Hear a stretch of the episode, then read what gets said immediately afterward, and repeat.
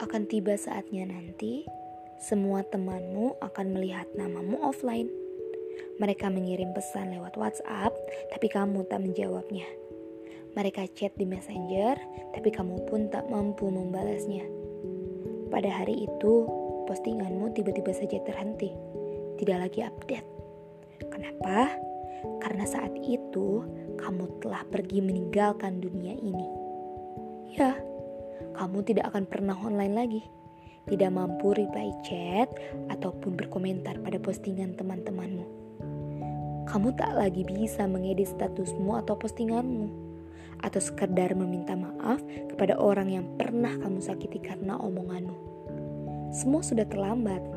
Ya, kamu sudah tak lagi bersama mereka. Pada hari itu, kamu sedang terbujur sendirian di lubang kubur sempit dan terhimpit sendirian menghadapi ujian. Dan ketika kamu telah pergi, yang tertinggal hanyalah huruf-huruf di postinganmu. Semua itu akan menjadi pembela atau mungkin malah akan membinasakanmu di alam sana. Maka dengan itu, tulislah yang baik-baik saja, walaupun kita belum baik. Sekurang-kurangnya, kita terselamatkan dari dosa menulis yang buruk. Tulislah yang baik-baik saja, bukan karena kita orang baik, tapi kita berusaha untuk menjadi baik. Tulislah yang baik-baik saja, karena kita tahu itu perkara baik.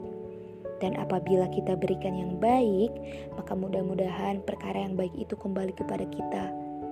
Tulislah yang baik-baik saja, karena kita mau yang baik-baik itu yang tertinggal apabila kita sudah pergi. Bicaralah yang baik-baik saja, tulislah yang baik-baik saja, karena yang baik itu semuanya bernilai ibadah walaupun hanya sekedar kopas, senyum, atau berpasangka baik.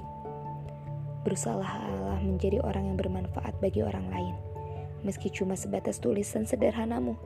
Jangan menjadi penyebab orang lain bertambah lebih buruk karena ketikan jari jemarimu.